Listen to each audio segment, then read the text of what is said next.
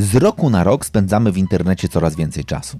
Wchodząc na nowe strony, często bezwiednie klikamy okienko akceptuję i nawet nie zastanawiamy się, na co wyrażamy zgodę. Jednocześnie każdego dnia, tygodnia, miesiąca pobieramy kolejne aplikacje na swoje smartfony i wielokrotnie pozwalamy im na śledzenie naszej lokalizacji. Mało tego, często dajemy im dostęp do naszych zdjęć czy kontaktów. Publikujemy treści, wrzucamy posty. Inaczej mówiąc, non-stop zostawiamy po sobie ślad. Ślad cyfrowy.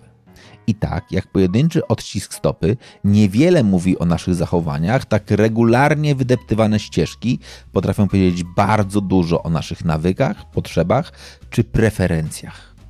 W dzisiejszej rozmowie przyjrzymy się właśnie tym śladom śladom cyfrowym. Wspólnie z ekspertami EY Polska zapraszam na rozmowę o cyberbezpieczeństwie. Waszymi gośćmi są Patryk Gęborys i Jakub Walarus. Patryk w EY Polska odpowiada za usługi cyberbezpieczeństwa dla polskich klientów ze wszystkich sektorów. W zakresie jego zainteresowania znajdują się usługi doradcze, testy penetracyjne i audyty bezpieczeństwa, a także wdrożenia systemów monitorowania i zabezpieczeń dla obszarów IT i OT. Natomiast Jakub jest partnerem w dziale cyberbezpieczeństwa. Kieruje zespołem Cyber Security Compliance. Posiada dziesięcioletnie doświadczenie w zakresie realizacji audytów informatycznych oraz realizacji projektów doradczych z obszaru bezpieczeństwa IT. Specjalizuje się w realizacji projektów z obszaru bezpieczeństwa i ochrony danych, zapewnienia ciągłości działania oraz zgodności aplikacji IT z przepisami prawa. Rozwija także zagadnienia związane z audytem rozwiązań sztucznej inteligencji.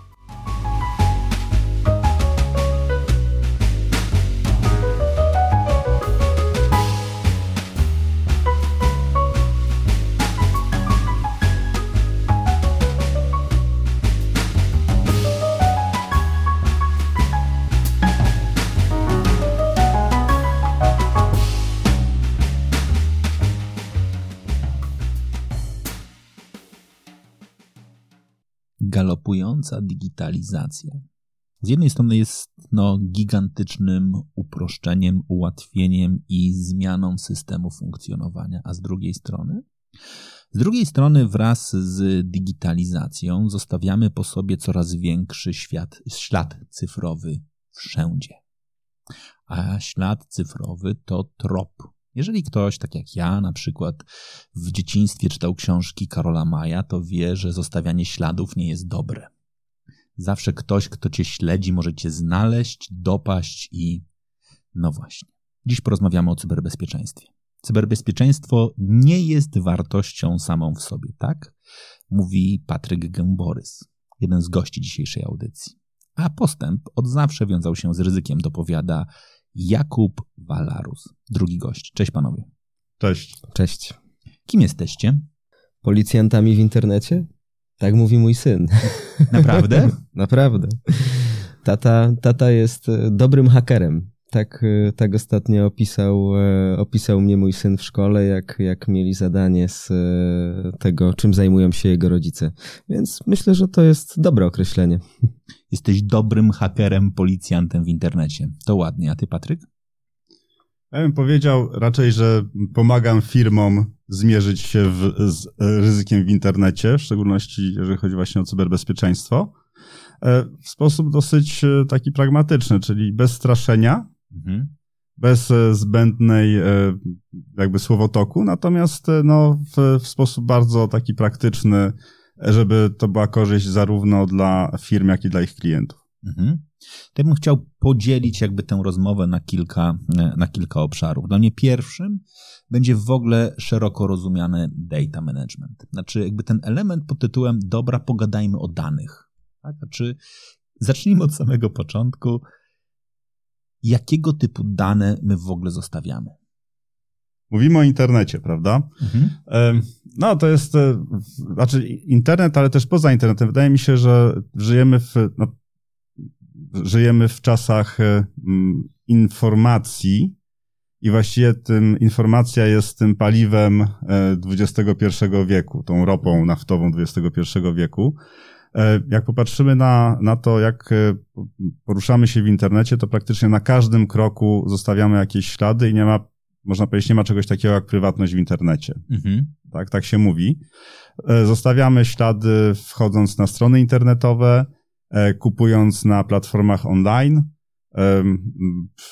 używając telefonów komórkowych.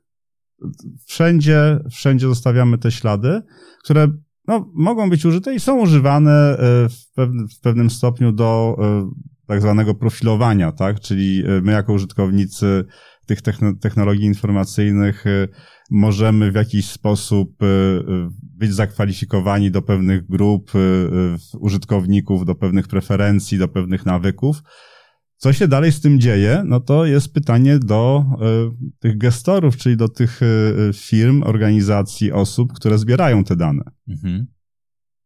Ja bym też, Patryk, uzupełnił to, co powiedziałeś o taki element y, istotny, że część danych przekazujemy świadomie i te ślady zostawiamy świadomie, a część z tych śladów e, to jest wynik działań, e, który niekoniecznie, który niekoniecznie jest naszym, powiedzmy, świadomym działaniem. Nie zdajemy sobie sprawy, że pewne rzeczy, które, które, które w internecie robimy, w zasadzie cała nasza aktywność w internecie jest swojego rodzaju e, śladem.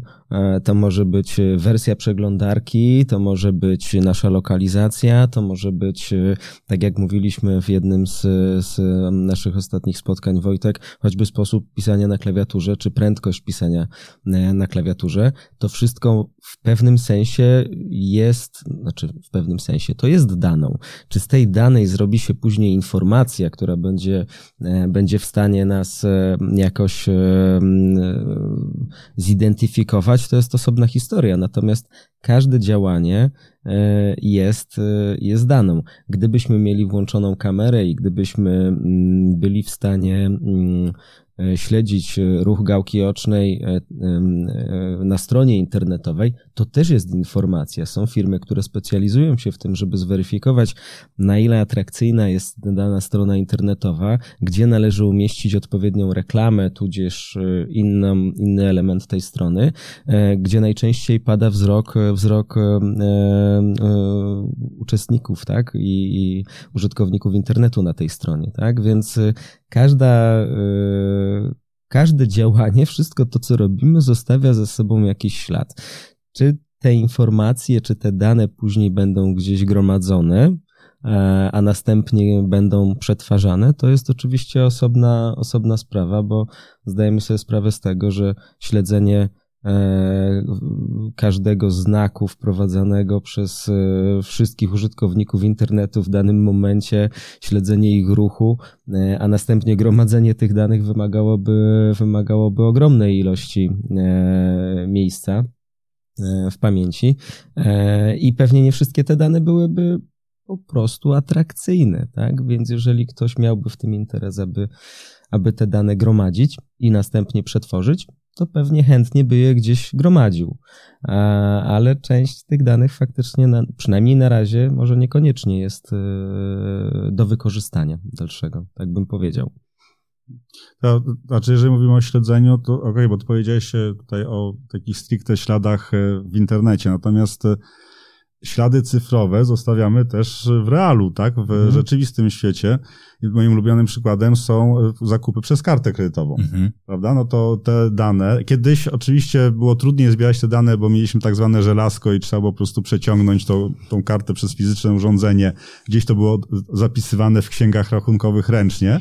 Natomiast te dane są teraz zbierane w systemach e, informatycznych i dosyć łatwo agregowalne, bardzo łatwo dostępne. To samo mówimy, to, to samo jest z programami lojalnościowymi. Mhm. Po to one są, prawda, żeby sieci, które je wydają, mogły no, sprawdzić, co najczęściej kupujemy, co jest najbardziej atrakcyjne.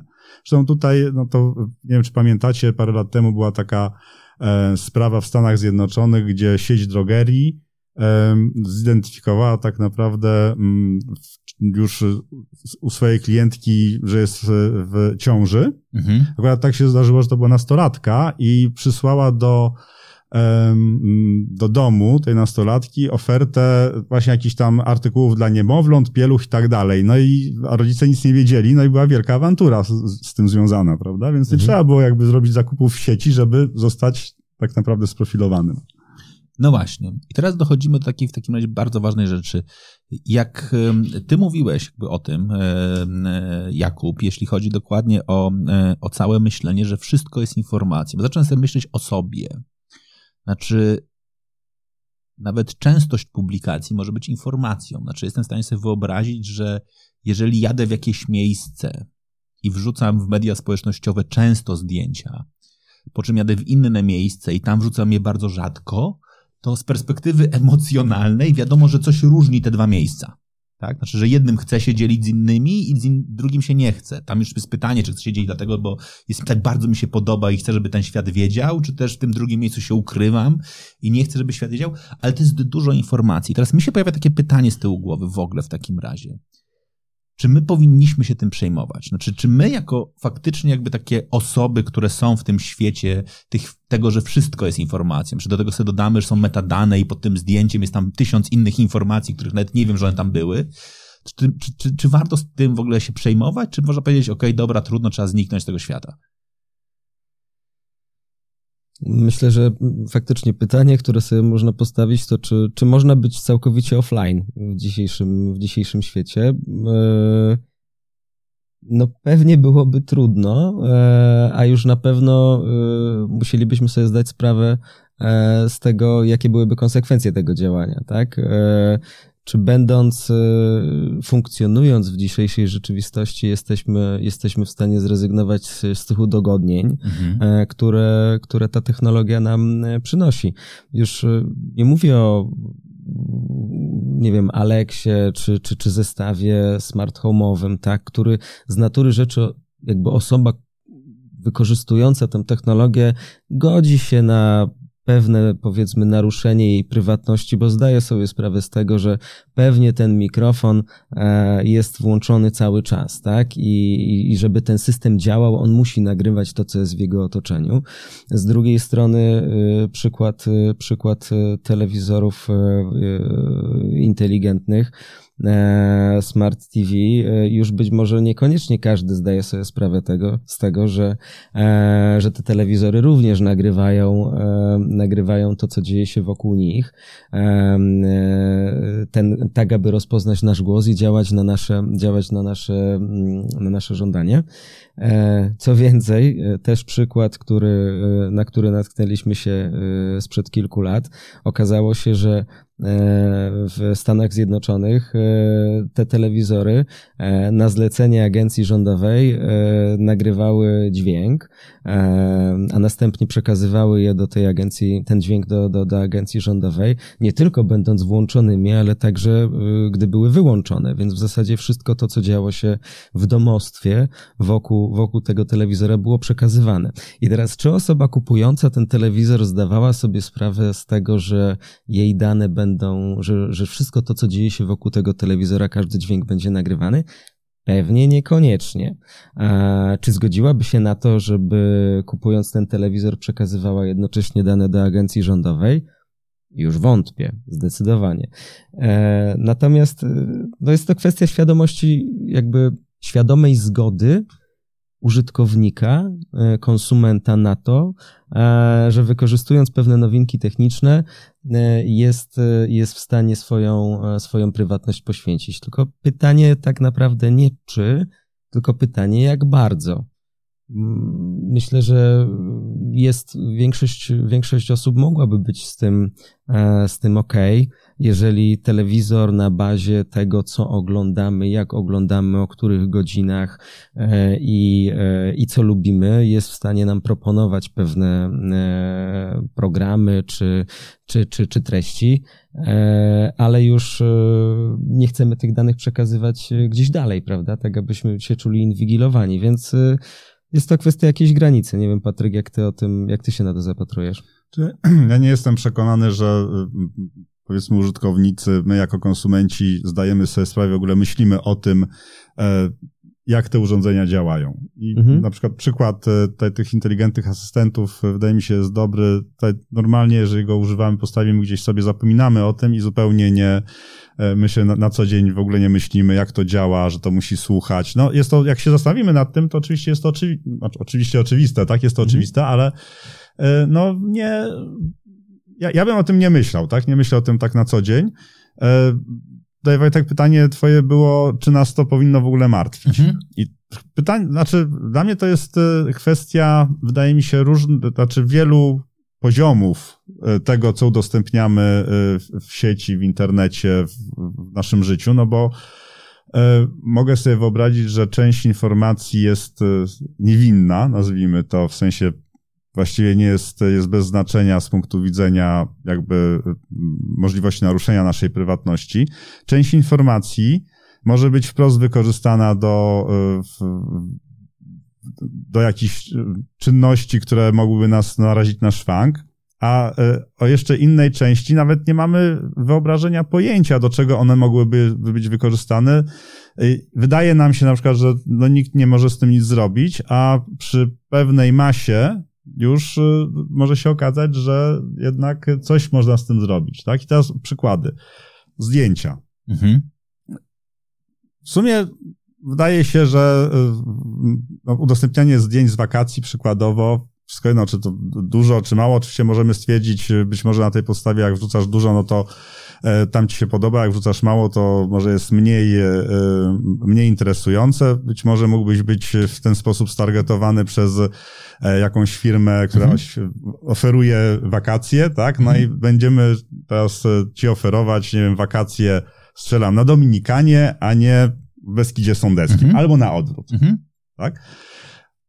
Okej, okay. w sumie fajnie, tak? No bo dostajesz jakby pod siebie, jakby produkt pod siebie.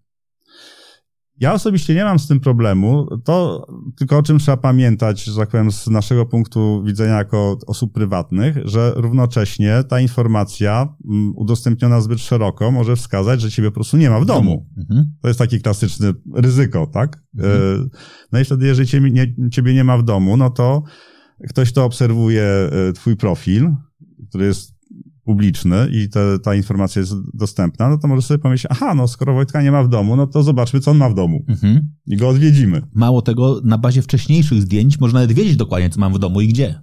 Tak.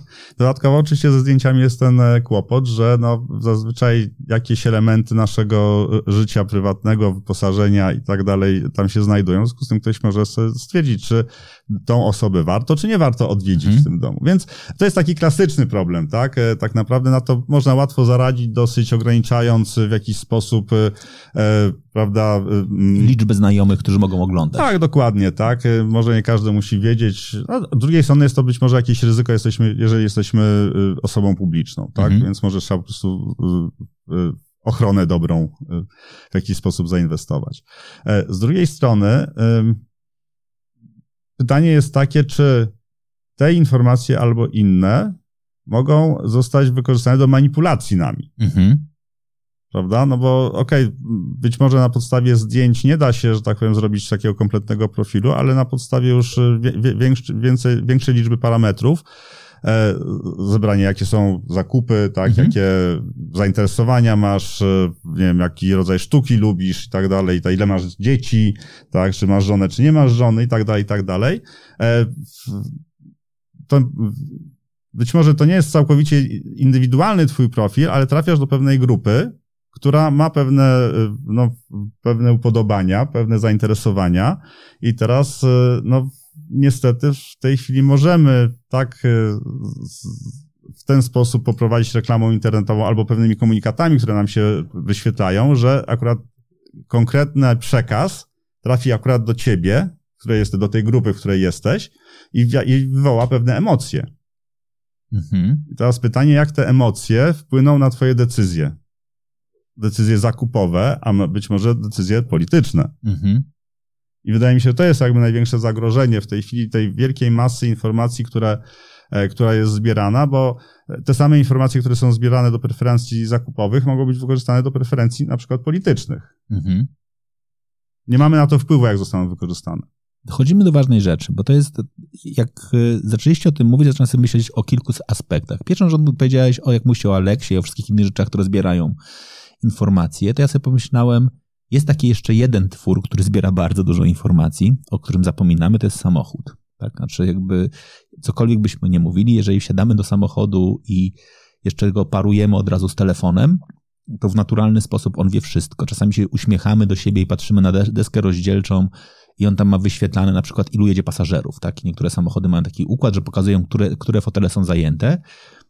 I rzadko ktoś sobie, moim zdaniem, z nas zastanawia się, czy ten system faktycznie jest w stanie zgromadzić dane, jak często tym samochodem jeździła jedna osoba, jak często jeździło siedem osób. Jeżeli na to nałożymy, jak często stał w korku, a jak często jechał, czyli wszystkie dane geolokalizacyjne, to taki na przykład jestem w stanie sobie wyobrazić sytuację, że przyjeżdżam do salonu na przegląd po, nie wiem, dwóch i pół roku, tak? Sprzedawca szczytuje wszystkie dane, które, które są z systemu, no bo, bo są i on na, tym, na tej bazie mówi Wojtek, wiemy, że przez ostatnie dwa i pół roku 70% czasu jeździłeś sam, najczęściej stałeś w korku, zwróć uwagę, że kupując auto elektryczne będziesz jechał buspasem, a przeanalizowaliśmy trasy, na wszystkich trasach są buspasy, z naszych wyliczeń oznacza, że codziennie rano zaoszczędzić tyle i tyle czasu. I to nie są domniemane dane. To nie jest taka hipotetyczna historia, tylko na bazie twojego rzeczywistego życia widzieliśmy, jak jeździsz, gdzie jeździsz. Mało tego, nie opłaca ci się posiadać takiego dużego samochodu jak w tej chwili. Kup sobie fajne auto sportowe, dwuosobowe, bo i tak najczęściej jeździsz sam, a dodatkowo damy ci w ofercie opcję wynajmowania samochodu rodzinnego, bo tak naprawdę tylko trzy razy do roku jedziesz na wakacje. I nagle się okazuje, że dostajesz bardzo spersonalizowaną ofertę, o której być może wcześniej nie myślałeś. To nie jest rocket science na poziomie jakby danych, możliwości i systemów. To teraz pytanie, które ja sobie stawiam, to dlaczego to się nie dzieje? Dlaczego się jeszcze nie dzieje? Mm, faktycznie, to, to, to nie jest rocket science, e, bo te wszystkie dane są gdzieś gromadzone. Mhm. E, to e, przez kogo są przetwarzane i czy nasz, e, w ramach naszej umowy z e, producentem samochodów, bo mhm. też tak jeżdżąc jest. takim samochodem, który te dane gromadzi i przekazuje, co jakiś czas e, pewnie otrzymujemy maile z aktualizacją warunków wykorzystania. Mhm. A w tej aktualizacji mogą znajdować się różne rzeczy. E, pewnie większość z nas nie zwraca na to tak wielkiej uwagi, ale faktycznie co, co dwa, trzy miesiące taka aktualizacja warunków korzystania z usług jest wysyłana.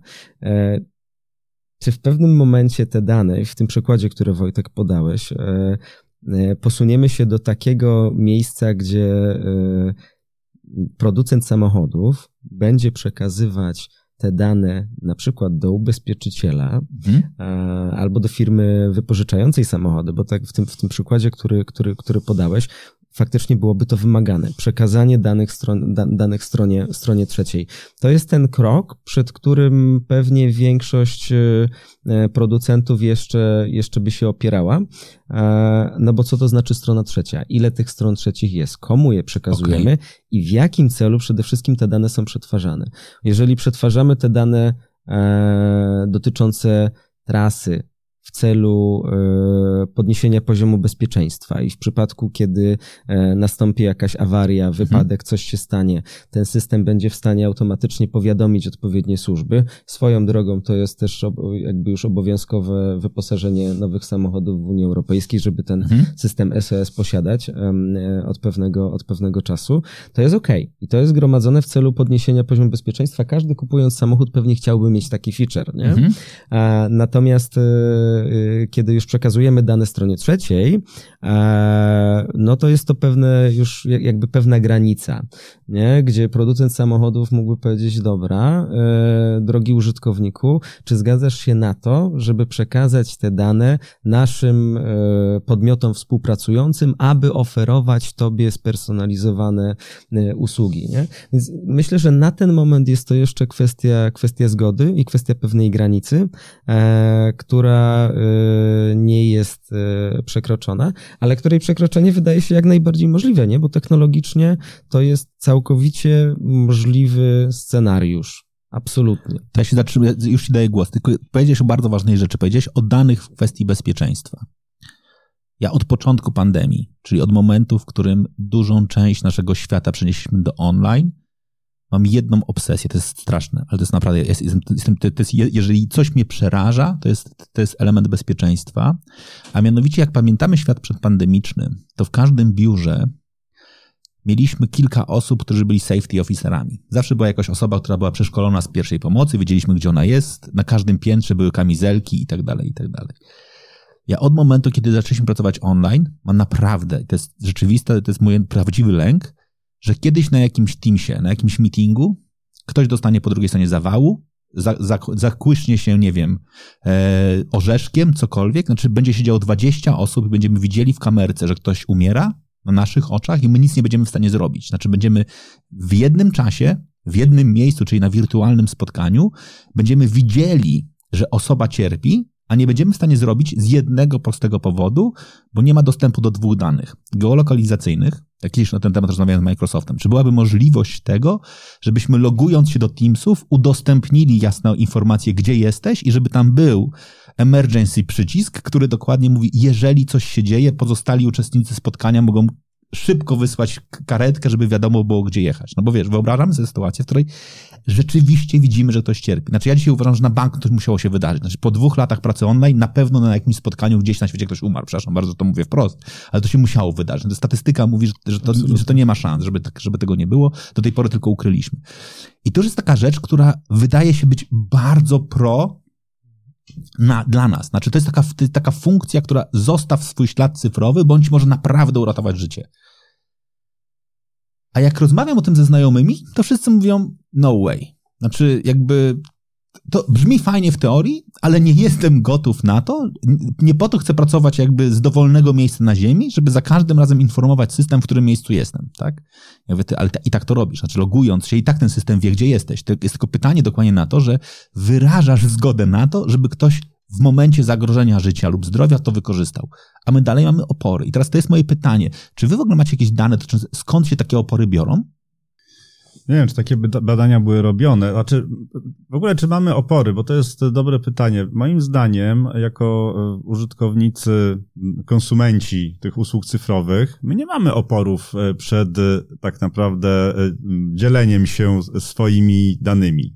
Ale nie mamy oporów, czy robimy to nieświadomie i bezwiednie, a jakby ktoś nam powiedział, że się dzielimy, to byśmy powiedzieli hola, hola, nie tak szybko. Znaczy, tutaj są dwie warstwy, tak? Jedna to jest, powiedzmy, taka świadoma, że pewnie większość y, użytkowników, y, powiedzmy, tak zapytana wprost powie, no tak, faktycznie coś trzeba by z tym zrobić, ale to nie zmienia w żaden sposób sposobu wykorzystania danych, mhm. usług takich bezpłatnych. No wiadomo, że jeżeli korzystamy z Facebooka, korzystamy z Gmaila, z innych bezpłatnych kont pocztowych, innych serwisów, e, e, newsów, tak, portali internetowych, za które nie płacimy, no one mówią wprost, tak, chcemy twoich danych, mhm. bo na tym zarabiamy. Jeżeli włączymy jakiekolwiek technologie, które blokują na przykład ciasteczka, tak, internetowe, to zaraz dostajemy, prawda, taką czerwoną tam e, ramkę, która przesłania cały tekst. Drogi użytkowniku, odkliknij tamtego blokera, no bo my nie możemy zarobić. No, musimy na czymś zarabiać. Więc e, wydaje mi się, że jako użytkownicy tak naprawdę się godzimy z tym e, i, i nas to chyba za bardzo nie boli, tak szczerze mhm. mówiąc.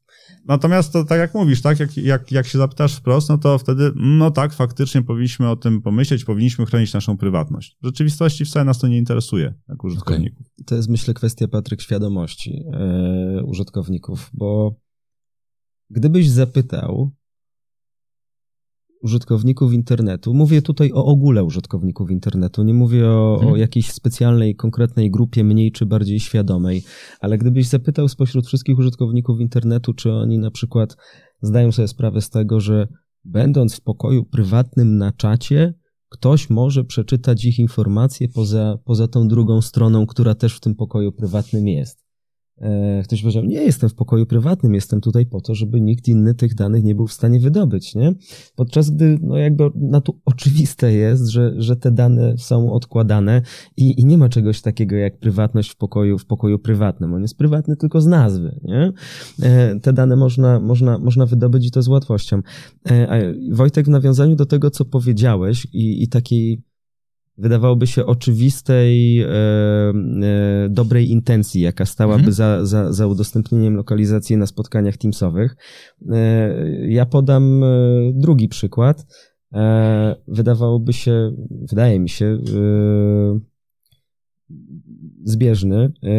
w Unii Europejskiej są teraz, w Parlamencie Europejskim są teraz prowadzone prace na, na temat rozporządzenia, które dawałoby państwom unijnym czy, czy rządom możliwość e, ingerencji w prywatność w taki sposób, e, że e, komunikatory internetowe, platformy wymiany informacji, social media musiałyby odkładać, jakby przekazywać treści bądź wynik analizy treści, na przykład naszej rozmowy na Messengerze czy na mailu, e, e, do agencji rządowej w przypadku, jeżeli, uwaga, wykryte byłoby jakieś prawdopodobieństwo e, naruszenia prywatności dzieci albo jakieś treści, które, które, które byłyby nieodpowiednie w stosunku do, w stosunku do dzieci, jak, jak, jak, jak i naruszały ich prywatność. I teraz wydaje się oczywiste, chce, każdy chce chronić swoje dzieci, mhm. prawda? To jest, to jest rzecz absolutnie naturalna. Każdy chciałby, żeby jego dziecko w internecie było bezpieczne. E, każdy, y, każdy chciałby ochronić swoje dziecko przed niebezpieczeństwami y, y, internetu, a już tym bardziej przed rozpowszechnianiem zdjęć, filmów czy, czy treści, które tą prywatność mogłyby naruszać. I teraz Parlament Europejski mówi: OK, jakby wszyscy jesteśmy za tym, spróbujmy, e, spróbujmy zrobić, e, jakby uregulować to, ale to wymagałoby już tego, że każda Twoja wiadomość, każdy Twój mail, każde zdjęcie, które przesyłasz, e, musi być analizowane pod kątem tego, czy przypadkiem tego nie narusza. A w tym momencie mamy wgląd do wszystkiego, co, co, co przetwarzasz. Powiem więcej. Idąc dalej, e, te, ta analiza danych historycznych mogłaby też z jakimś prawdopodobieństwem przewidywać, mhm. czy ty w przyszłości nie chcesz zrobić czegoś złego. Mhm. Jak tego jeszcze nie zrobiłeś, nie? I tutaj wchodzimy w tym momencie na, na taką e, już e, trochę wydawałoby się science fiction. Był, był film z Tomem Cruzem na ten mhm. temat, mm. gdzie, gdzie można kogoś ukarać za coś, czego jeszcze nie zrobił, nie zrobił, ale z dużym prawdopodobieństwem 99 i 99 setnych mógłby to zrobić. I teraz pytanie, czy na pewno by to zrobił. To, to jest bardzo ciekawa rzecz, gdzie, gdzie wchodzimy na, na, na poziom przewidywania przyszłości. Nie? I jakby rozmowy na temat tego rozporządzenia trwają. E, duże zastrzeżenia w stosunku do, do potencjalnego naruszenia prywatności e, takie rozporządzenie mogłoby budzić. Nie? To ty powiedziałeś w ogóle bardzo ważnej rzeczy, a mianowicie o ewolucji zagrożeń. Znaczy, jak sobie dokładnie myślę o jakby cyberbezpieczeństwie, to się zastanawiam dokładnie, co nam spędzało sens powiek jeszcze, nie wiem, 10 lat temu, a co nam spędza sens powiek dzisiaj, a co będzie spędzało za dwa lata. Jak wy, jak wy do tego podchodzicie? Znaczy, jak to będzie ewoluowało, jak te zagrożenia w ogóle będą się zmieniały? Z punktu widzenia prywatności, tak, bo o tym dzisiaj rozmawiamy, e, to na pewno e, coraz większa ilość gromadzonych informacji powoduje, że e, ryzyko związane z, z przetwarzaniem i wyciąganiem wniosków rośnie. Mhm. Jak sobie popatrzymy jeszcze, no nie wiem, 20 lat temu, 10 lat temu e, na to, co było możliwe, no to mówmy się, że moce obliczeniowe, pojemności dysków, możliwość gromadzenia informacji była dosyć ograniczona. I oczywiście te technologie, których, które są używane w tej chwili, na przykład do, do śledzenia użytkowników w internecie, ciasteczka przede wszystkim, no to były też wtedy. Natomiast no, możliwość przetwarzania tych informacji była dużo mniejsza. Przez to dzisiaj możemy dużo więcej e, no, wyciągnąć wniosków na, temat danego użytkownika. E, z drugiej strony doszły takie rzeczy jak e, urządzenia mobilne. Mhm. Super źródło informacji. Naprawdę super. Mamy to cały czas przy sobie, cały czas e, włączone e, usługi lokalizacyjne, co jest bardzo fajne, bo mogę sobie sprawdzić na mapach, e, gdzie byłem, mhm. tak, sobie przypomnieć jakąś fajną wycieczkę. Z drugiej strony oczywiście te informacje lokalizacyjne o mnie są cały czas, tak. Kiedyś to było tylko jak siedziałem przy komputerze, no nie siedziałem, prawda, 24 godziny na dobę, tylko siedziałem tam, nie wiem, 8 godzin, może 12, może 4 Teraz telefon mam cały czas ze sobą. Więc, e, więc to w tą stronę ewoluuje. Dodatkowo e, możemy teraz już łączyć informacje pomiędzy urządzeniami. Czyli jeżeli ja się przesiadam z komputera na telefon, z jednego telefonu na drugi telefon, ten mój ślad cyfrowy za mną się ciągnie. No, w związku z tym, e, no, bardzo łatwo jest stwierdzić, co robiłem, czym się zajmowałem, w jaki sposób przysiądę się do samochodu, o którym wspominałeś, prawda? No to tutaj też jest bardzo fajne źródło informacji, szczególnie takich lokalizacyjnych. Więc te, te zagrożenia, one ewoluują w stronę zbierania coraz większej ilości informacji o nas, wyciągania coraz to jakby większej ilości wniosków. Natomiast już w tej chwili ten, to profilowanie naszych zainteresowań, naszych upodobań, e, czy komercyjnych, czy politycznych jest możliwe, tak? Więc tutaj wydaje mi się, to pójdzie bardziej w stronę wykorzystania. I to jest właśnie pytanie, to co, o czym Kuba powiedział, E, w jaki sposób na koniec dnia te nasze informacje są wykorzystywane. To jest najbardziej takie niepokojące, no bo z jednej strony mamy dobre intencje, przykładowo przykład tej e, regulacji europejskiej, projektu, no to jest jak najbardziej, można powiedzieć, wybrukowany dobrymi intencjami. Z drugiej strony e, no, mamy przykłady manipulacji wyborami, Mhm. gdzie jakby dokładnie te same informacje są wykorzystywane do tego, żebyśmy podejmowali decyzje, których normalnie byśmy być może nie podjęli. To ja w ogóle zadaję sobie jeszcze teraz pytanie, jak o tym powiedzieliście. To nawiązując do tego, od czego zacząłem, czyli do Karola Maja i do zostawienia śladów, połowie książek każdy dobry bohater, którego śledziliśmy, czy Old Shatterhand, czy Winnetou, uczyli się nie tylko jak nie zostawiać śladów, ale jak zostawić fałszywy trop. Znaczy jednym z najważniejszych elementów było zostaw fałszywy trop, żeby zgubić e, przeciwnika. I teraz to pojawia się. Czy to oznacza, że za jakiś czas będziemy się uczyli, jak świadomie zarządzać swoimi danymi? Bo to jest ciekawe, teraz co powiedzieliście. Ja sobie patrzę, nie wiem, no z wykształcenia jestem psychologiem cała duża, duża część mojego biznesu kiedyś była oparta o prowadzenie szkoleń, chociażby, nie wiem, z umiejętności interpersonalnych, jak budować lepsze relacje z innymi, zwierania wpływu na ludzi i one były taki, zachowuj się tak i tak, będą cię bardziej lubić, zachowaj się tak i tak, będą robili. A teraz myślę, zostawiaj taki i taki ślad, algorytmy będą myślały, że jesteś taki. Znaczy, jestem w stanie sobie wyobrazić, że na przykład, jeżeli, nie wiem, chcę być, mieć lepszy scoring w banku, to znaczy, że przez rok muszę podejmować pewne świadome działania po to, żeby faktycznie ten ślad cyfrowy dotyczącej mojej, mojej wiarygodności finansowej był lepszy. Ten, zaczynam myśleć sobie, że jeżeli bym odkrył, jakie dane są zbierane i jak są podejmowane decyzje na ich, na ich temat, czyli to, co dokładnie robili psychologowie przez całe swoje życie, jak ludzie definiują pewne zachowania, bo to jest algorytm bardzo słaby, no bo oparto o jeden procesor, który ograniczoną moc obliczeniową, czyli mózg, to teraz gdybyśmy to przełożyli na zachowania cyfrowe, to ja też mógłbym budować, krótko mówiąc, swoją cyfrową osobowość, która byłaby zarządzalna. Mhm. To już że mogę. Tak. To już się dzieje. Znaczy, jeżeli wspomniałeś o na przykład zdolności kredytowej, no to oczywiście możesz znaleźć w sieci poradniki, w jaki sposób e, jakby zwiększyć swoją zdolność kredytową, czy być bardzo, bardziej wiarygodnym e, kredytobiorcą dla banków. Mhm. E, I... Ale teraz mówisz tylko, wiesz, o bardzo ograniczonej liczbie danych tak, mimo wszystko. I właśnie o tym chciałem powiedzieć, bo ja osobiście nie wierzę, żebyśmy byli w stanie w sposób systematyczny i świadomy przez dłuższy okres czasu budować sobie taki profil. Oczywiście, znaczy, okay. mogę sobie wyobrazić pojedyncze osoby, które będą e, bardzo skoncentrowane na tym, wręcz paranoidalnie mm -hmm. i faktycznie będą stosować wszystkie mechanizmy anonimizacji, bo możesz być anonimowy w sieci teoretycznie, tak? Chociaż no pytanie takiego stopnia, ale można przynajmniej próbować.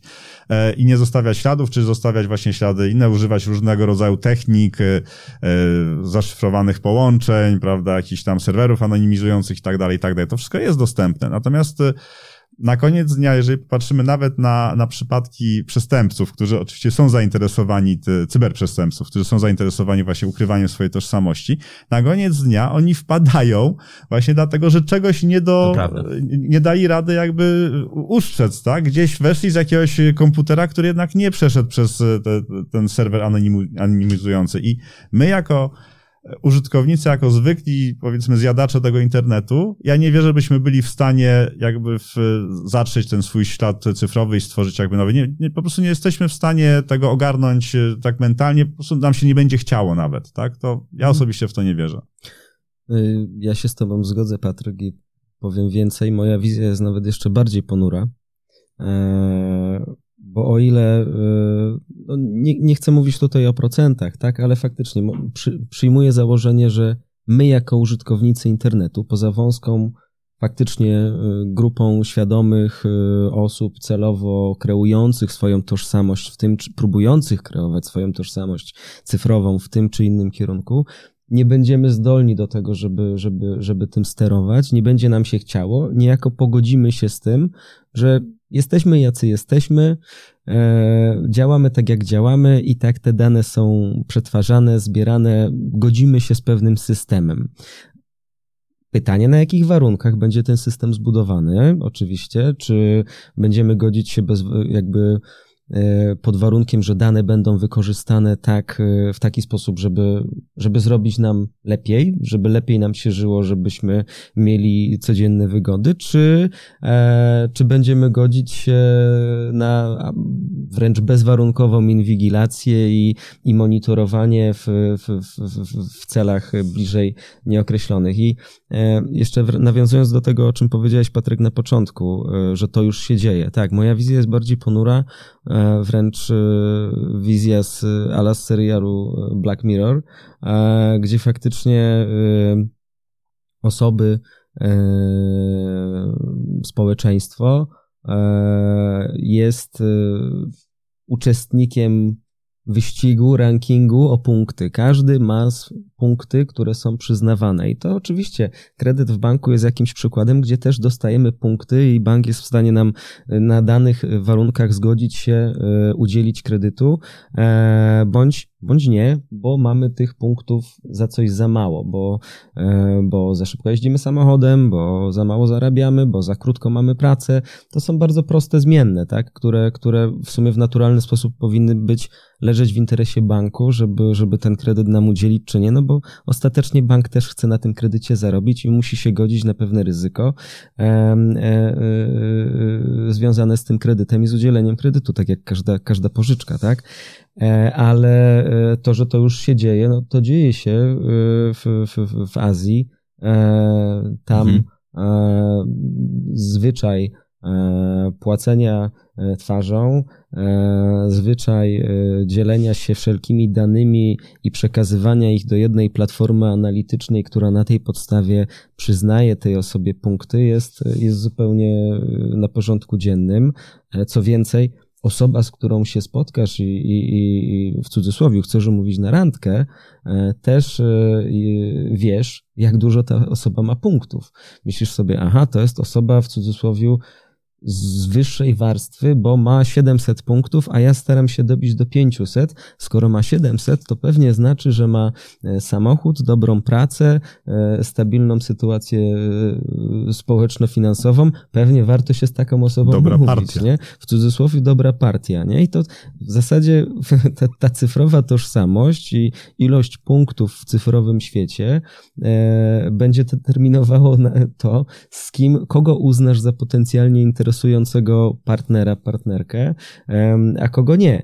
E, I są też e, firmy, które, e, tak jak w każdym systemie, firmy, czy, czy, czy, czy de facto indywidualne osoby, które są w stanie twój, twoją cyfrową tożsamość trochę podrasować, mhm. czyli przyznać ci tych parę punktów więcej za przysłowiowych parę złotych, parę dolarów czy, czy, czy, czy, czy, czy, czy innej waluty, aby tych punktów przyznać tobie więcej, co być może sprawi, że będziesz krócej czekać w kolejce do lekarza, będziesz miał więcej benefitów niż osoby, które by tego nie posiadały.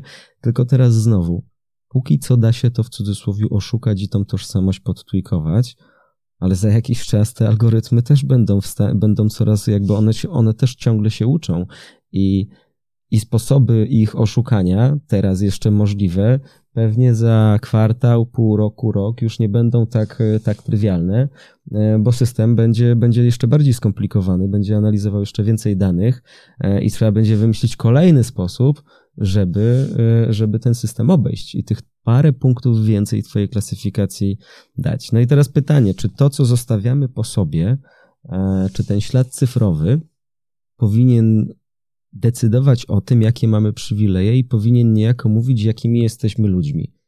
Czy to, że mam 700 punktów na 1000 w, w mojej, jako, jako moja cyfrowa tożsamość e, ma tyle punktów, świadczy o tym, że jestem gorszym człowiekiem y, niż ta osoba, która ma cyfrową tożsamość na poziomie 900 punktów na 1000, nie? No, ludzie są równi wobec, wobec, powinni być równi wobec siebie, są równi wobec prawa. E, I teraz y, to jest y, no, takie bardzo już powiedzmy etyczne pytanie, nie? E, a jak nałożymy na to wszystko jeszcze metavers i rozszerzoną rzeczywistość, to już w ogóle sprawa jest e, jeszcze bardziej skomplikowana, nie?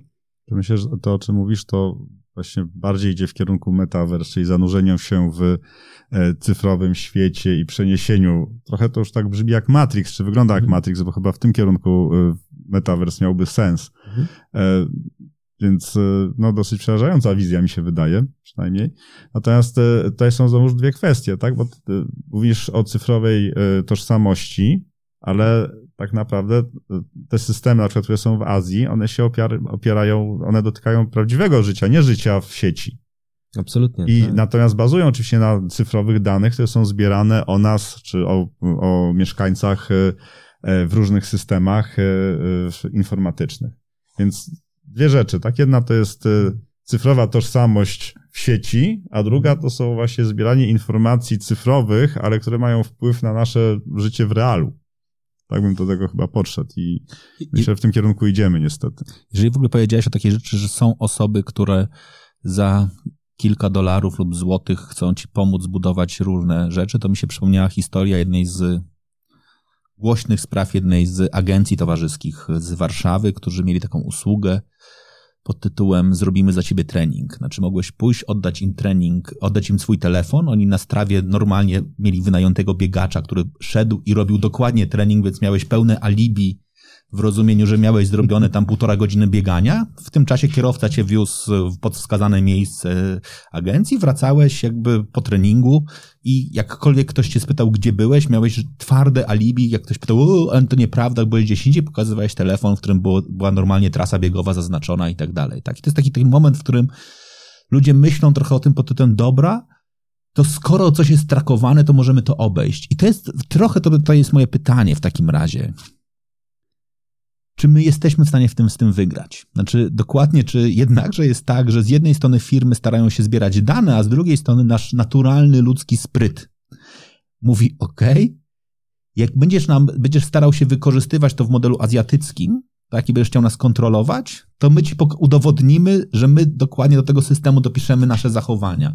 Trochę pytam, czy to, czy to na koniec dnia nie jest i tak zawsze zgodne z naszymi intencjami, tak? I to, co chcemy zrobić. Jak będziemy chcieli oszukać, to oszukamy, a jak powiemy sobie, chcemy żyć uczciwie, bo wiemy, że nie mamy nic do ukrycia, to nie będziemy potrzebowali tego typu działań.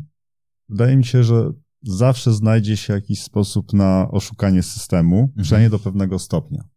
I ten przykład, który dałeś, jest, jest no, dobrym, dobrym przykładem, wydaje mi się, no bo do jakiegoś celu, jak rozumiem tutaj jakby bardzo konkretnego zrobienia sobie alibi, no to pewnie byłoby to wystarczające. Mhm. Natomiast jeżeli ktoś chciałby dalej y, pogrzebać i zobaczyć, co naprawdę się działo w tym czasie, no to mógłby, że tak powiem, pewnie znaleźć kilka jeszcze innych dodatkowych informacji, które by albo potwierdziły, albo zaprzeczyły temu, co, na co wskazuje tam ten ślad z telefonu. Mhm. I wydaje mi się, że właśnie z tym, z tym będziemy mieli w, do czynienia, już mamy do czynienia w świecie cyfrowym, ale generalnie w, w zbieraniu danych o nas, że na pewnym poziomie do pewnych celów y, y, możemy w jakiś sposób wpłynąć na to, co jest o nas zbierane, w jaki sposób to jest, w jaki sposób wykorzystywane, to może nie, ale co jest zbierane przynajmniej.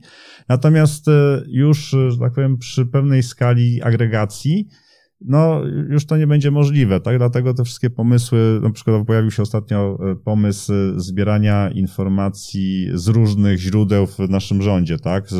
Żeby mieć dostęp do bazy podatkowej, do bazy zdrowotnej, E, do bazy informacji o kierowcach i tak dalej, i tak dalej, tak? No, oczywiście w zbożnym celu po to, żeby e, robić różnego rodzaju analizy, oczywiście one będą tylko dedykowane, e, tylko będzie trzeba uzyskać odpowiednie zezwolenia od odpowiedniego urzędu i tak dalej, i tak dalej. Natomiast mając te wszystkie informacje w jednym miejscu, możemy zrobić dowolne, tak naprawdę dowolne zapytanie i dowolną analizę. Tak?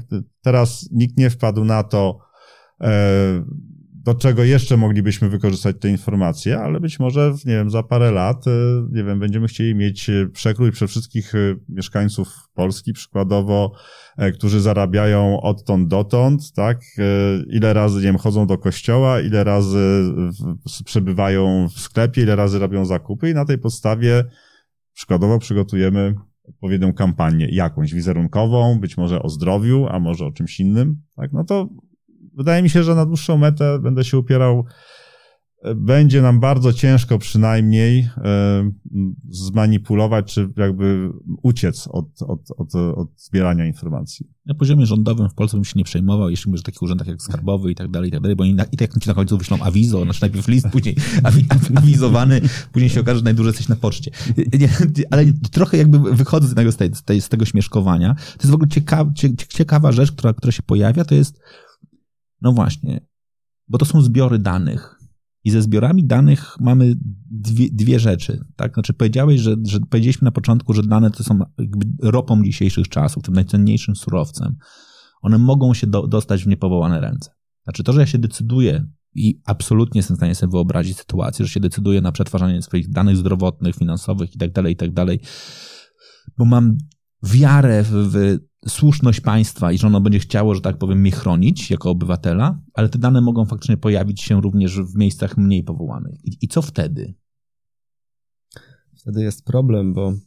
No właśnie ty, bo ty jesteś policjantem w internecie. nie, jesteśmy, nie jesteśmy w stanie zmienić tego, kim jesteśmy. A jeżeli te dane będą świadczyły o tym, będą w stanie nas zidentyfikować, będą pokazywać, jak wyglądamy, co kupujemy, e, z jakich serwisów korzystamy, jacy jesteśmy po prostu, to w tym momencie okazuje się, że cyfrowo jesteśmy nadzy mhm. i nie bardzo mamy co z tym zrobić, no bo wszyscy wiedzą, że Kuba codziennie E, co tydzień we wtorek zawozi swojego syna i jedzie dokładnie tą trasą samochodem, co zmienię trasę, pytanie, czy będę mieć problem z tym, że ktoś będzie wiedział, że, że, że jadę. No ale jeżeli 6 miliardów ludzi potencjalnie będzie wiedzieć, że Kuba przez ostatni rok e, jeździł dokładnie, dokładnie tą drogą i odwozi swoje dziecko, może znaleźć się kilku takich, którzy stwierdzą, no dobra, oprócz tego wiemy, że Kuba ma całkiem niezły samochód, w, w domu już w tym momencie nie ma nikogo, e, a w dodatku e, jego dziecko e, pokonuje jeszcze 300 metrów, idąc piechotą z parkingu i, i idzie samo, nie? I w tym momencie zmienię szkołę, zmienię, zmienię trasę dojazdu.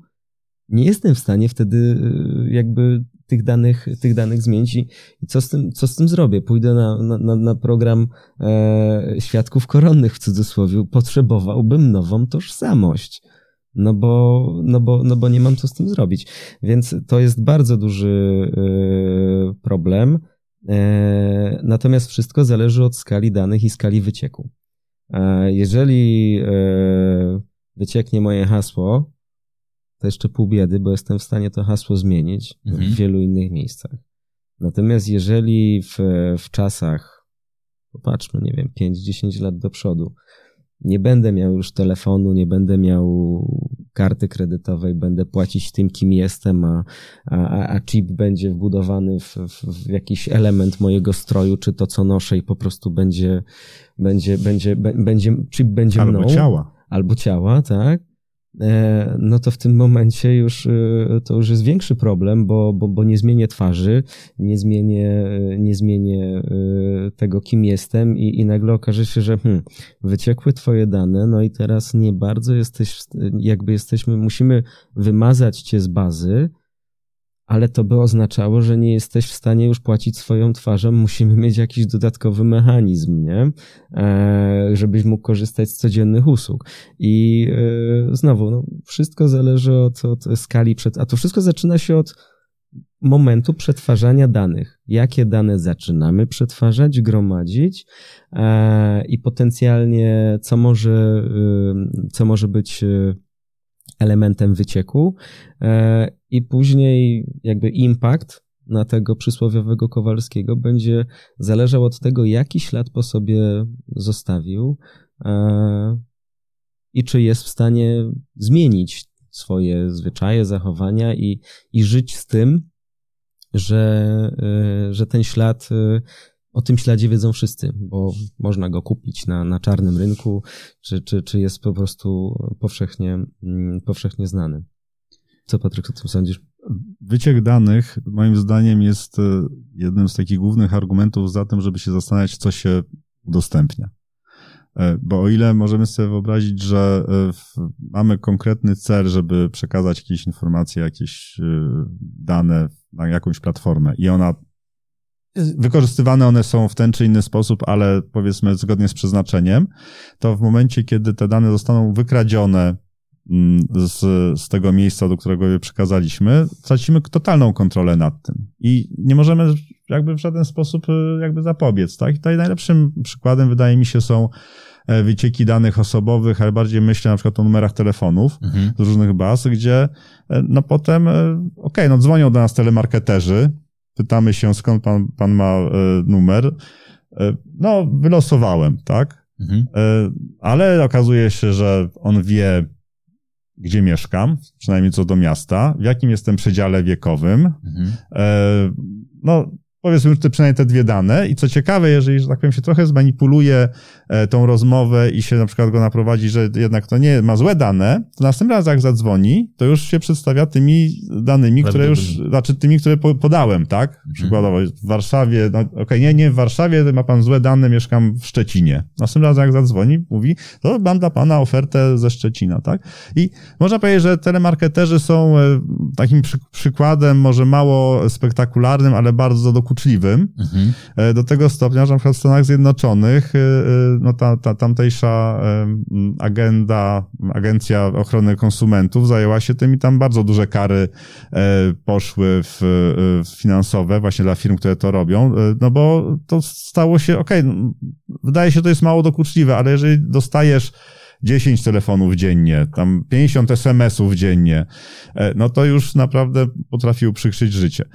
To jest tylko przykład, tak? Natomiast możemy sobie wyobrazić no, wykorzystanie, no, kradzież tożsamości. To jest jakby takie duże zagrożenie dla nas. Y, y, szczególnie, jeżeli możemy zaaplikować o pożyczkę czy o konto w banku online. Mhm. Nikt nie sprawdzi nas tak naprawdę, y, czy my, czy w tym internecie, czy jesteś psem, czy nie, mhm. przysłowiowym. Więc tutaj tak samo możesz E, tak naprawdę na kogoś innego, tak, mając jego dane, założyć sobie konto, czy wziąć pożyczkę, chwilówkę mhm. nawet, no bo banki powinny teoretycznie sprawdzać te, te dane, no ale znamy historię, gdzie wiemy, że jest to możliwe i te pożyczki były udzielane i potem ludzie się do, do, dowiadują z windygacji, że mają jakiś kredyt w ogóle.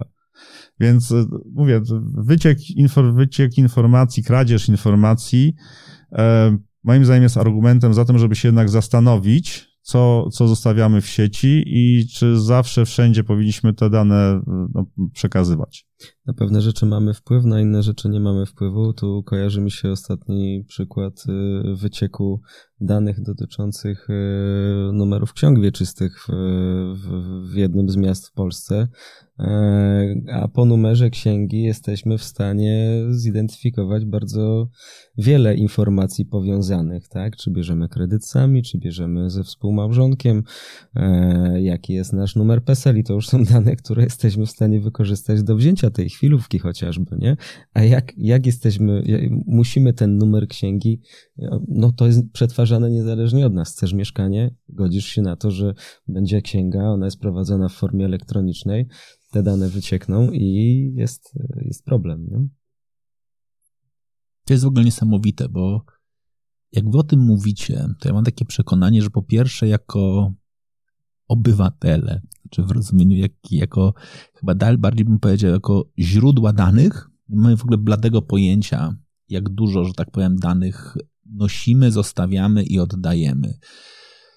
Z drugiej strony myślę sobie, że właściwie nie wiadomo, kto mógłby w tym obszarze edukować. Tak? Znaczy w takim sensie, znaczy, y, jestem w stanie sobie wyobrazić te instytucje, ale one dalej zastanawiają się nad tym, czy e, taki i taki dobrym poetą był. Tak? Znaczy jakby, bo to naprawdę jest, ja myślę dokładnie teraz o swoich synach. Tak? Znaczy, gdybym z nimi usiadł do bezpieczeństwa informacji, zaczął z nimi rozmawiać, jakie dane e, zostawiają, gdzie zostawiają, jak zostawiają, to myślę, że najpierw na nie potrzeli jak na kretyna pod tytułem ojciec się nasłuchał jakichś informacji właściwie o co mu chodzi, a z drugiej strony myślę sobie, że naprawdę oni dzisiaj jakby bym ich spytał, czy wy w szkole już o tym rozmawialiście, no to ja znam, znam odpowiedź, tak? Znaczy, sobie naprawdę sobie wyobrazić, bo tam pewnie będą informacje pod tytułem pamiętaj, jak e, nieznana osoba będzie pisała do ciebie na czacie, podaj mi jakieś dane, to nie, nie podawaj, no ale jak, jak was słucham sobie, to to jest zagrożenie sprzed 15 lat, tak? Znaczy to jest jak,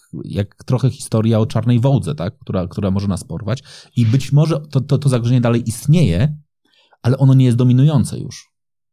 Znaczy, tu się nie zgodzę. Te zagrożenia, o którym tutaj wspomniałeś, y, bo tutaj mówimy tak naprawdę o jakimś stalkingu, tak, mhm. czy tego typu rzeczach, ono jakby istnieje i cały czas jest realne i aktualne. I natomiast to jest trochę inna, jakby druga strona medalu, prawda, bo tutaj e, cały czas rozmawiamy o tym, co w sposób nieświadomy my zostawiamy i w jaki sposób to może być e, wykorzystane. Więc ta strona jakby, no nie jest do, ruszana w szkole w szczególności. Mhm. Natomiast strona zachowania i reakcji na pewne zachowania w sieci, e, no, powinno być i jest. No, więc, więc tego, typu, tego typu programy jest. I o tym jakby mówić e, nie jest nigdy za wiele.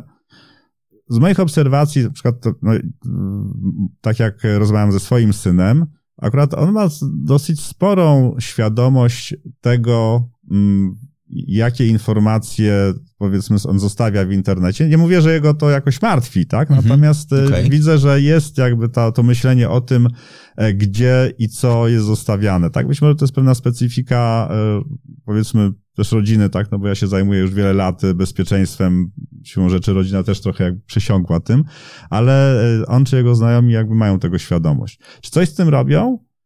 Czasami tak, czasami nie. Tak jak powiedziałem, to jest kwestia już wygody, no bo tutaj mamy te dwie szale, tak? Z jednej strony mamy wygodę, mhm. dostęp do bezpłatnych usług, z drugiej strony bezpieczeństwo, prywatność, tak? I to jest zawsze pewne wyważenie.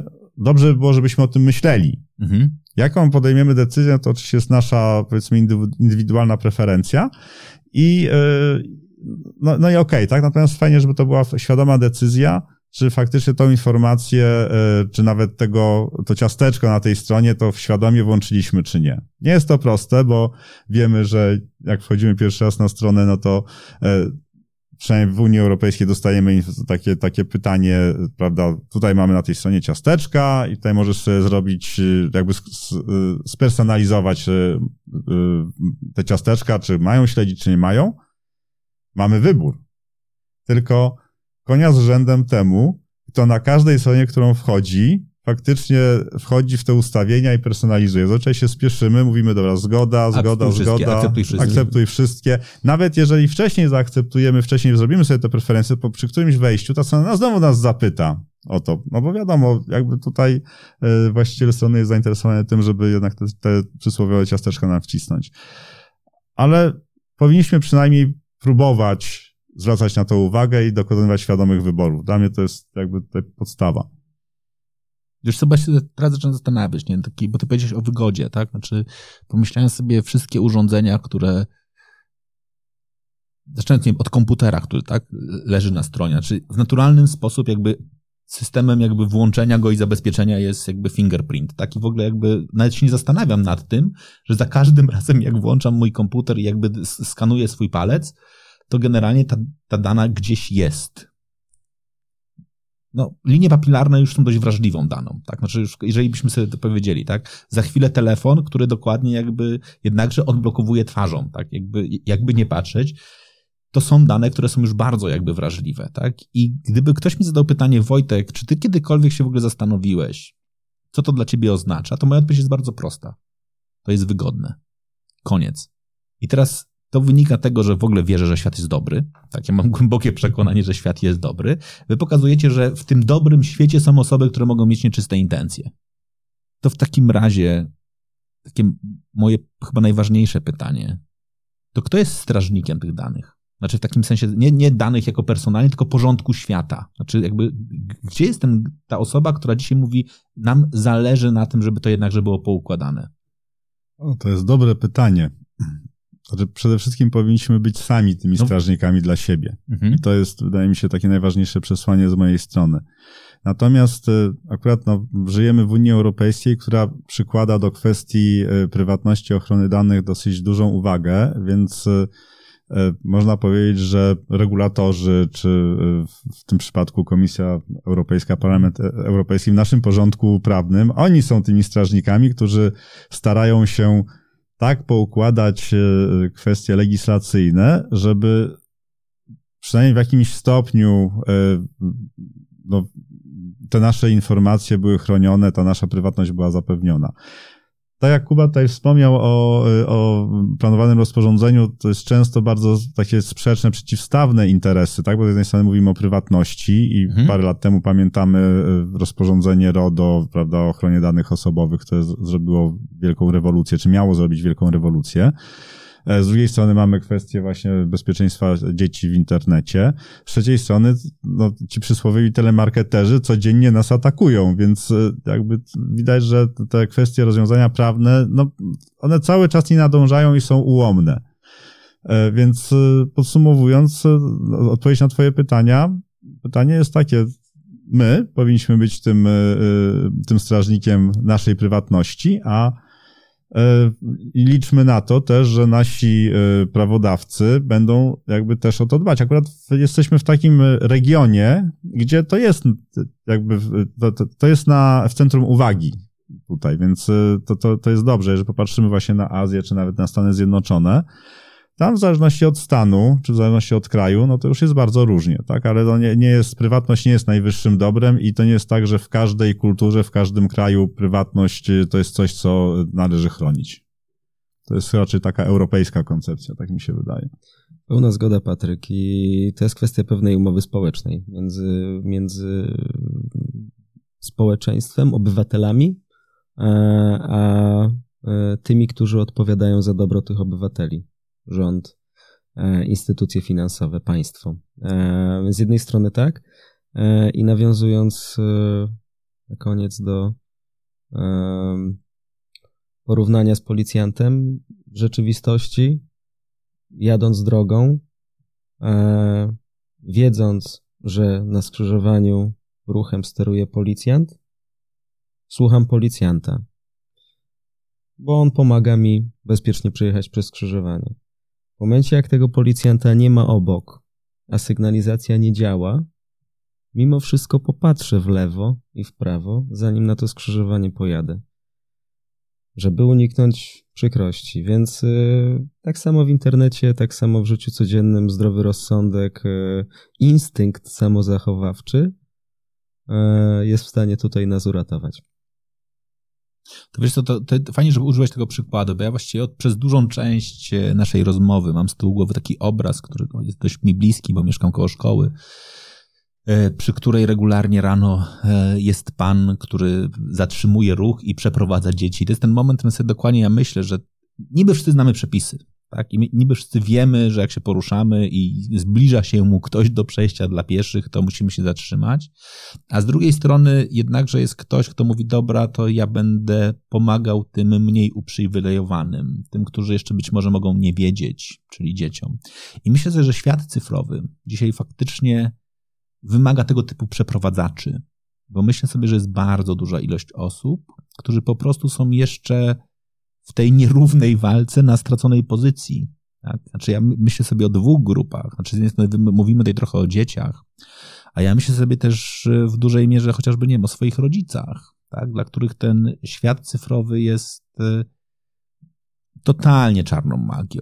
Tak? Znaczy oni dobrze się poruszają, są dość sprawni w tym obszarze, ale myślę sobie, że jak po, po, po posłuchają tej audycji, to on, dla nich bezpieczeństwo, to co mi się udało do tej pory osiągnąć, to jest y, nie klikajcie w nieznane linki. To jest na razie to, to, jest, to jest tyle, tak? Choć mam świadomość tego, w związku z tym powiedziałem, dobra, to też nie wystawiajcie nic. Znaczy, jeżeli chcecie coś sprzedać, to dajcie mi, ja wystawię na, nie wiem, OLX, ja wystawię na Allegro, bo wiem, że za chwilę dostaniecie tyle, ty, tyle informacji pod tytułem kliknij, włącz time viewera i podaj nam dostęp do konta, że że na, na pewno sobie nie poradzicie. Plus, nie wiem, szczególnie mama i moja mama, która ma absolutny turbo kredyt zaufania do wszystkich. Znaczy ona po prostu bardzo mocno wie, że ten świat jest dobry i że jak dzwoni telemarketer i mówi, gdzie pani w tej chwili jest, to ona mu z przywielką przyjemnością powie, gdzie jest, bo jej się wydaje, że to jest po prostu jakby, no on nie ma złych intencji, tak? Nie wpadnie na to, że on może chcieć dowiedzieć się, żeby podjąć jakiekolwiek dalsze działania. I to jest chyba takie wyzwanie, przed którym my dzisiaj stajemy bardzo mocno. Znaczy to ta, ta nazwijmy to ochrona słabszych, powinna być chyba takim, takim nadrzędnym celem, jeżeli mówimy w ogóle o zasadach bezpieczeństwa, bo boję się, że może być trochę wolnej Amerykanki i ci, zdomin- ci, ci silniejsi będą po prostu wykorzystywać. No. To niesamowite. Znaczy, wy mi pokazaliście w tej, w tej rozmowie bardzo dużo dysproporcji. Nie chcę tworzyć paranoi, bo to kompletnie myślę, że nie o to chodzi. Dalej sobie rozmawiam ze swoją Aleksą i, i, i uwielbiam do niej mówić. Dalej myślę sobie, że okej, okay, może zbierasz informacje, ale ale to nawet jest śmieszne czasami, co robisz z tymi informacjami. Natomiast myślę sobie, że ten moment, w którym jesteśmy zafascynowani technologią, chyba jest, e, powinno nas balczyć czerwoną lampką. Powiedzieliście chociażby o Smart TV, tak? Ja, ja pamiętam ten moment, kiedy dokładnie pojawił się u nas w domu tele, telewizor sterowany głosem i ten moment, w którym się jaraliśmy strasznie, jak szybko się uczy naszego głosu, jak na początku te zdania, które wymówiliśmy niewyraźnie, z każdym kolejnym dniem były dla niego bardziej rozpoznawalne. Mówiliśmy sobie, wow, super fajnie, tak szybko się nauczył. A teraz pokazaliście mi to, że on się nauczył, to znaczy, on to zebrał. I teraz powie się pytanie, czy powie, dobra, zbiorę to dla siebie i nikomu nie oddam, czy też jakby będę przekazywał dalej. To jest w ogóle bardzo fajny przykład. Fajny w cudzysłowie, bo teraz wracając do biometrii, tutaj powiedzieliśmy o tęczówce, o odciskach palców i teraz wyobraźmy sobie sytuację, że te zebrane próbki twojego głosu mhm. są używane do identyfikacji ciebie, do mhm. odtworzenia twojego głosu, czy tak zwany deepfake i no i teraz co możemy z tym zrobić? No taka pierwsza rzecz, która mi się przychodzi do głowy, no to przykładowo identyfikacja w banku. Mhm. Prawda? No to już nie mówię o jakiś tam, powiedzmy, jakiś e, wideo na, e, na YouTubie, ale identyfikacja w banku głosowa, gdzie banki wprowadzają znowuż e, właśnie tego typu rozwiązania, żeby chronić nasze pieniądze. Z drugiej strony można sobie wyobrazić, że ktoś wykorzysta w drugą stronę, tak, mhm. te zebrane próbki do tego, żeby do tych pieniędzy się dostać. Generalnie pieniądze są największym paliwem do wszelkiego zła, tak, i te, te jakby w cyberprzestrzeni nie jest inaczej. No to jakby cyberprzestępczość to jest w tej chwili pewnie największy e, biznes przestępczy, na pewno dużo większy niż narkotyki. Mhm. Więc e, warto w to powiedzmy inwestować, tak? I, i, i przestępcy to robią. Więc e, no tak, dokładnie. Tutaj dochodzimy do tego, to, to, to, o czym powiedziałem, że wyciek tego typu rodzaju danych jest niestety bolesny, no bo ufamy, że producent telewizora zbiera to w, powiedzmy tylko w celu tego, żeby e, lepiej działał i lepiej cię rozumiał. Natomiast e, w momencie, kiedy traci nad tym kontrolę, no to albo sprzeda te dane gdzieś, bo to też przecież może być przedmiotem handlu. To jest w ogóle ciekawa rzecz, tak, czy porównałeś to do narkotyku, to sobie dokładnie znowu spojrzałem z perspektywy swoich dzieci. Ja pamiętam, jak e, rok temu, wysyłając swojego starszego syna na obóz, jechaliśmy sobie samochodem tam. Ten mówiłem, słuchaj, mam dużą prośbę, aż pogadajmy o tym. Jeżeli starsi koledzy będą ci proponowali alkohol, to bardzo bym chciał, żebyś czuł się absolutnie komfortowo z tym, żeby im powiedzieć nie. Ja wtedy tak na mnie spojrzał z takim no, cudowną taką otwartością dziecka, powiedział, alkohol? Takiemu małemu dziecku i on był, i on był naprawdę jakby w, tym, w głowie, jakby nie mieścił się ten, ten jeszcze ten aspekt pod tytułem, że starszy kolega może wpaść na pomysł, nawet dla żartu, tak, znaczy przecież jakby e, niech się młody za przeproszeniem zakrztusi, będzie śmiesznie. E, w tym roku dokładnie przerabiam ten sam, tę, tę samą historię akurat dotyczącą narkotyków. Znaczy tego momentu pod tytułem OK, akceptuje ten świat, że, że no, na, na jakimś etapie twojego życia pojawi się ktoś, kto ci zaproponuje, więc pogadajmy o tym, jak nauczyć dziecka świadomej odmowy i jak pogadać, że ten świat jest, że zagrożenie jest i nie, że udawajmy, że go nie widzimy, tylko jak go przygotować do tego, żeby sobie z tym radził. I teraz ty mówisz, że chyba kolejne bardzo ważne wyzwanie dla mnie, które jest, to jest Pamiętaj, że wchodząc do internetu może się pojawić gość, który będzie chciał twoich danych. Musisz czuć się komfortowo, żeby mu powiedzieć nie. Tak? Znaczy, pamiętaj o tym, że jeżeli, nie wiem, dana aplikacja pyta cię, czy, uży- czy korzystać z geolokalizacji, to jeżeli to nie jest aplikacja, o której gadaliśmy, to może jednak powiedz, że nie. Tak? Jeżeli dana aplikacja pyta cię o to, czy korzystać z danych, to może, to może jednak, że to może nie. Znaczy, czy, czy jeżeli podajesz hasło, to może pamiętaj o tym, żeby one były różne w różnych miejscach i tak dalej, i tak dalej, i tak dalej. Znaczy, właśnie sobie uświadamiam, że no ponieważ jestem stary, to jestem bardziej przyzwyczajony do jakby zagrożeń świata rzeczywistego, a to, co mówicie, te zagrożenia świata cyfrowego mi się naprawdę kojarzyły z takim elementem pod tytułem możemy wykorzystać grube dane. Tak, znaczy ktoś dokładnie włamie mi się na rachunek bankowy i będzie afera, ukradnie mi kartę kredytową. Znaczy wszystkie systemy stosuj podwójne zabezpieczenia we wszystkich możliwych miejscach, pewnie gdzieś przeszedłem. A teraz pokazujecie, że chyba jest jeszcze bardzo dużo zagrożeń, których nawet nie widzimy i, i one się mogą pojawić w takich miejscach, których, których się nie spodziewamy. Warto o tym rozmawiać, że taką mam taką główną refleksję chyba, że, że trzeba o tym rozmawiać na równie mocno, co, co, co, co, co zagrożenia fizyczne, bo co powiedziałeś, chyba jest coraz mniejsze prawdopodobieństwo, że ktoś chcąc coś nam zabrać, wymusi to przemocą i przyjdzie i powie oddawaj telefon, e, skoro może przyjść i powiedzieć, dobra, to ja cię okradnę trochę, trochę szybciej i w białych rękawiczkach.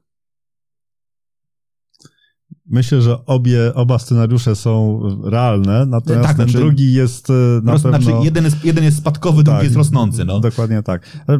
Bardzo fajną rzecz powiedziałeś, to jest dokładnie to, co, e, co warto robić, tak? Czyli rozmawiać, tłumaczyć i zwracać uwagę na to, że nie powinniśmy bezmyślnie jakby pewnych rzeczy akceptować, tylko jednak powinniśmy się zastanawiać nad tym, co tam nam, nam się wyświetla tak w tych urządzeniach.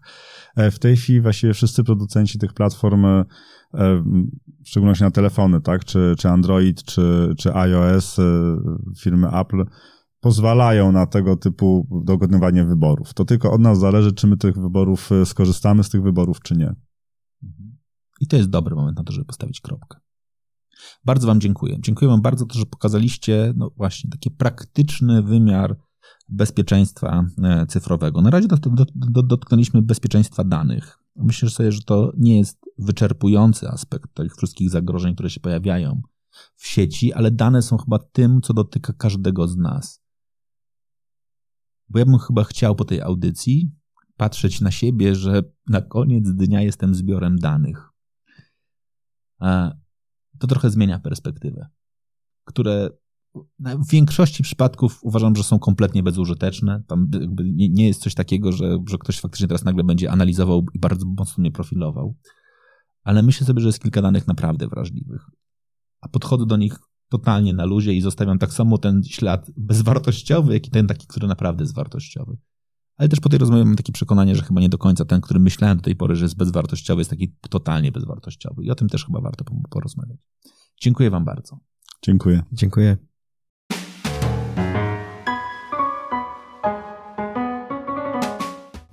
Dziękuję bardzo, że byliście z nami. Ta audycja powstała przy współpracy z EY Polska. To kolejny już raz, gdy kończę rozmowę z przekonaniem, że muszę dużo zmienić w swoim podejściu. Tym razem w podejściu do pozostawianych danych w internecie. A ty? Ty z czym zostajesz po tej audycji? Bardzo proszę, napisz mi swoje refleksje w mediach społecznościowych. Napisz na LinkedInie, Facebooku czy Instagramie. Audycja nazywa się To, co najważniejsze. Ciekaw jestem, co dla Ciebie było najważniejsze w tej rozmowie.